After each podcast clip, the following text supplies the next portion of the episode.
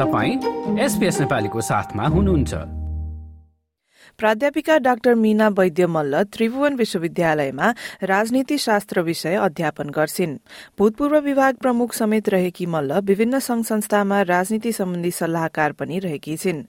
नेपालमा नोभेम्बर बीसमा हुन लागेको संघीय र प्रदेश निर्वाचनका बारेमा नेपाल सहकर्मी सेवा भट्टराईले मल्लसँग गर्नुभएको कुराकानी सुन्नुहोस्।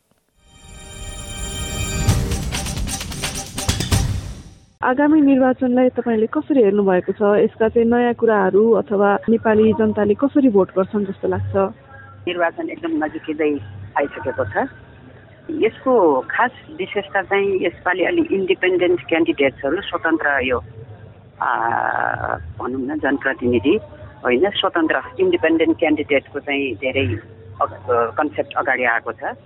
सर्वसाधारणले पनि अलिकति चेन्ज परिवर्तन चाहेको हो कि यसबाट भन्ने चाहिँ त्यस किसिमको चाहिँ एउटा लहर देखिया छ मतदाताहरूमा पनि। स्वतन्त्र उम्मेद्वारहरू यसरी अगाडि आउनु र पछिल्लो यो स्थानीय निर्वाचनमा कतिपयले धेरैले जित्नु पनि भयो अलिकति उत्साहित पनि हुनुभएको छ उम्मेद्वारहरू। यसको कारण चाहिँ के होला जस्तो लाग्छ? यो मुख्य कारण के हो भन्दाखेरि मानिसले चाहिँ अलिकति परिवर्तन चाहेको सङ्केत हो यो। त्यसले त्यसलाई इन्डिकेट गर्छ। अब सधैँ त्यही खालका नेतृत्व वर्ग आउनु अनि उहाँ उहाँहरूबाट अलिकति आफूले आशा गरेको सेवा सुविधाहरू नपाउँदाखेरि अब उनीहरूले अलिकति परिवर्तनको बाटोमा गएको हो कि नयाँ क्यान्डिडेटले बाट उनीहरूले केही राम्रो थप सेवा सुविधा पाउन सकिन्छ कि उनीहरूबाट राम्रो डेलिभरी हुन्छ कि भन्ने उनीहरूको एउटा यो जनविश्वास हो। तपाईँलाई कस्तो लाग्छ यो हाम्रो अहिलेको जुन एउटा शक्ति सन्तुलन छ ठुलो पार्टीहरूकोले जुन शक्तिको चाहिँ एउटा महत्त्वपूर्ण भाग हिस्सा ओगटिराख्नु भएको छ यसमा केही परिवर्तन आउँछ जस्तो लाग्छ? कतिको सम्भावना छ जस्तो लाग्छ? अब परिवर्तन त अब यसमा निश्चय नै आउनुपर्छ। यो अलिकति फरक ढङ्गको भएको छ होइन? गठबन्धन सरकार छ अनि चुनाव त्यही हिसाबले अगाडि बढिरहेको छ। अब परिवर्तन त यसमा डेफिनेटली नै आउनुपर्छ। अब तर अलिकति जनतामा अलिक कन्फ्युजन आउँछ कि जस्तो मलाई मेरो बुझाइमा चाहिँ त्यस्तो लागेको छ। यो अलि अलिकति समथिङ मोर देन सिम्पल कि अलिकति कम्प्लेक्स हो कि भन्ने चाहिँ साधारण जनताले अलिकति यसमा बुझ्नलाई अलिक कठिनाइ हुन्छ कि they may get something little bit confusion त्यो चाहिँ मैले देखेको कस्तो खालको कन्फ्युजन भन्नुभएको? अब म त पत् पत्रदेखि लिएर अब क्यान्डिडेट्सहरू पनि अब थुप्रै विभिन्न अब यो गठबन्धनमा विभिन्न अब पार्टीहरूबाट चाहिँ प्रतिनिधित्व गरेका छन् होइन? त्यसतर्फ यस्तो खालको इलेक्सनमा जनता अलिकति पोलिटिकल्ली एजुकेट भएको छैन कि?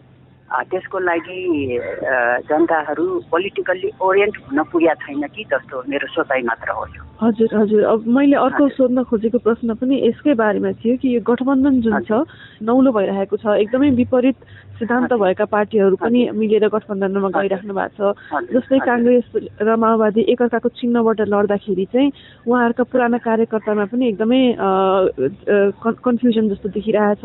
र तपाईँले भन्नुभयो जस्तो मतदाताहरूमा पनि। यसले चाहिँ अब एक खालको मतदान गर्ने हक हुन्छ नि। म यो सिद्धान्तलाई चाहिँ मत दिन्छु भन्ने खालको जनताको हक खोसियो भन्ने पनि आवाजहरू आइरहेका छन्। यो कस्तो लागेको छ तपाईँलाई? तर त्यहाँसम्म चाहिँ मत दिने अधिकार जनताको खोसियो भन्ने त्यहाँसम्म चाहिँ हामी नपुगौँ होइन? तर यस यसको लागि चाहिँ पोलिटिकल अवेरनेस अनि पोलिटिकल यो राजनीतिक शिक्षा होइन? र चुनावको चुनावी यो चाहिँ ओरिएन्टेसन चाहिँ जनतामा त्यति पुग्न नसकेको अवस्था छ कि? त्यस कारण जनताले यसमा चाहिँ सर्वसाधारण जनताले अलिकति बुझ्न कठिनाइ चाहिँ पक्कै भएको हो। त्यो कम्प्लेक्सिटी चाहिँ कसरी हटाइदिने जनतालाई चाहिँ अलिकति भनौँ न कन्फ्युजन जनतामा कसरी हटाइदिने भन्ने त्यस किसिमको प्रयास र अभ्यास चाहिँ भएको चाहिँ मलाई लागेन हजुर हजुर। अनि विपरीत सिद्धान्तहरूको मेललाई चाहिँ राजनीतिक रूपमा चाहिँ कसरी हेर्नु भएको छ? के प्रजातन्त्रको सौन्दर्य मात्र हो मेल भएको सँग मात्रै पनि टाइअप होइन कि? कहिलेकाहीँ हामीले भोइस फ्रम अपोजिट होइन पार्टिज त्यसलाई पनि सुन्नु त्यसलाई पनि अब कम्प्रोमाइज गर्नु उसँग पनि चाहिँ नि सहयोग र सम्बन्धित भएर अगाडि जानु त्यो पनि एउटा प्रजातन्त्रको चाहिँ सिद्धान्त हो। मलाई त्यस्तो लाग्छ।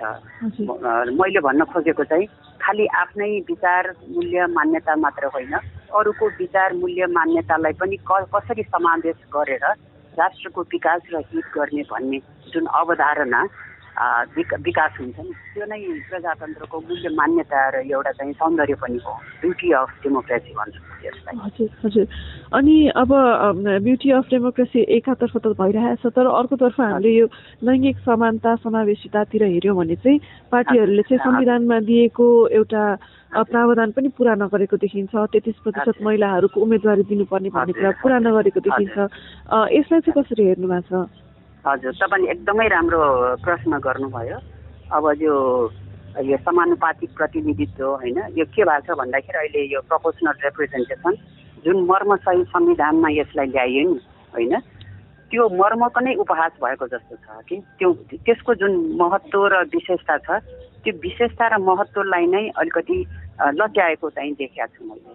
किन भन्दाखेरि यस किसिमको प्रतिनिधित्व खालि नेतृत्व वर्गकै परिवार होइन उनीहरूको नातागोता र नजिकका सर सर्कल त्यसमा मात्र सीमित हुन देखि पुगियो कि यसपालि। यो चाहिँ जसको लागि यो प्रपोसनल रिप्रेजेन्टेसन सिस्टमको महत्त्व र यो मर्म जुन छ यो के केलाई त के के के को लागि यो व्यवस्था गरियो त भन्दाखेरि अन्डर प्रिभिलेज पिपुल मार्जिनलाइज सीमान्तकृत वर्ग होइन। र पिछडिएका वर्ग जसको नीति निर्माण र निर्णय गर्ने त्यो त्यो लेभलमा उनीहरूको पहुँच थिएन उनीहरूको आवाज थिएन उनीहरूको आवाज सुनिँदैन थियो। त्यस्ता वर्गलाई यो चाहिँ लक्षित गरेर यो व्यवस्था राखेको थियो। तर त्यो नभइकन चाहिँ यो चाहिँ के हुन गयो भन्दाखेरि नेतृत्व वर्गको सीमित नेतृत्व वर्गको सीमित वर्गमा मात्रै सीमित हुनु पर्यो भयो त्यसले गर्दाखेरि यसलाई यो यसलाई चाहिँ हामी यस्तो खालकोलाई हामी समावेशी प्रजातन्त्र भन्न चाहिँ अलिकति गाह्रो हुन्छ। यो समावेशी चाहिँ यसले त्यो सिद्धान्तलाई अलिकति कन्ट्राडिक्ट गरेको बुझियो। हजुर। यो त यो त्यो वर्गको लागि लक्षित गरेर यो प्रदान गरिएको हो नि व्यवस्था गरिएको हो नि होइन? तर त्यो त भइरहेको छैन। अब त्यसो गर्दाखेरि अब के भयो भन्दाखेरि अब महिलाकै तपाईँ हेर्नुहोस् इन्क्लुजिभ रिप्रेजेन्टेसन्स भन्छ। पहिला त नेपालले त यो वुमन्स रिप्रेजेन्टेसन र पोलिटिकल पार्टिसिपेसनमा एसिया नै लिड गरिसकेको कन्ट्री हो। र यसभन्दाका अघिका इलेक्सनहरूमा उनीहरूले थर्टी थ्री पर्सेन्टेज र वा एक तिहाई त उनीहरूले त्यो प्राप्त गरिसकेको हो। अहिले आएर त हार्डली कति दसभन्दा पनि कममा सीमित हुन पुगेको छ कि उनीहरूको क्यान्डिडेट होइन हाउस अफ रिप्रेजेन्टेटिभमा त्यो फर्स्ट पास्ट द पोस्टमा चाहिँ होइन। त्यस्तै अब प्रोभिन्सियल एसेम्ब्लीमा पनि यो नम्बर स्ट्रिङ्क भएर एट पोइन्ट कति नियरली लेस देन नाइन पर्सेन्टमा चाहिँ खुम्चिनु गएको छ। अब जस्तै ruling coalition led by Nepali Congress र सिपिएन युनियन जुन छ उनीहरूले पनि पच्चिसजना हाराहारी पच्चिसजना भन्दा क्यान्डिडेट चाहिँ नि अगाडि ल्याउन सकेको नसकेको अवस्था छ। त्यस कारण प्रोपोर्सनल रिप्रेजेन्टेसन चाहिँ त्यति इन्क्लुजिभ यसले समावेशी ल्याउनमा त्यति सहायक सिद्ध नभएको देखिन्छ यसपालिको इलेक्सनमा। हजुर। यो लैङ्गिक समानता र समावेशिताको अब समस्या चाहिँ कता छ र समाधान चाहिँ कसरी गर्नुपर्छ होला? अब समाधान त यसमा चाहिँ अवेरनेस पोलिटिकल अवेरनेस नै ठुलो कुरा हो होइन? डेमोक्रेसीमा सबैले समान हक र पहुँच पाउनुपर्छ भन्ने त्यो सिद्धान्तबाट सबै चाहिँ अभिप्रेरित हुनुपर्छ। यसको लागि अब government political parties the community society होइन इभन द फ्यामिली उनीहरूमा अवेरनेस आउनुपर्छ कि पोजिटिभ थिङ्किङ हुनुपर्छ सबैमा चाहिँ।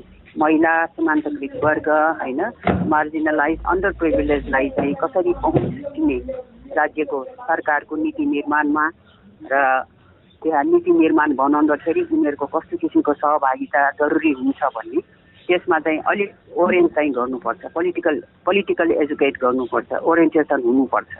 र त्यसतर्फ सबैको सोच र विचार एकदम सकारात्मक र सापेक्षिक हुनुपर्छ। कि यो चाहिँ ट्वेन्टी फर्स्ट सेन्चुरीको आवाज हो होइन? ह्युमन राइट छ त्यसमा। इक्वालिटी जस्टिसका कुराहरू आउँछ। त्यो समग्रलाई विचार गर्ने हो भने यो व्यवस्था यसरी अगाडि बढ बढ्नुपर्छ भन्न भन्न खोजेको ह्युमन राइट्स जस्टिस इक्वालिटी होइन? राइट टु सेल्फ डिटर्मिनेसन यसको आधारमा अगाडि जानुपर्छ।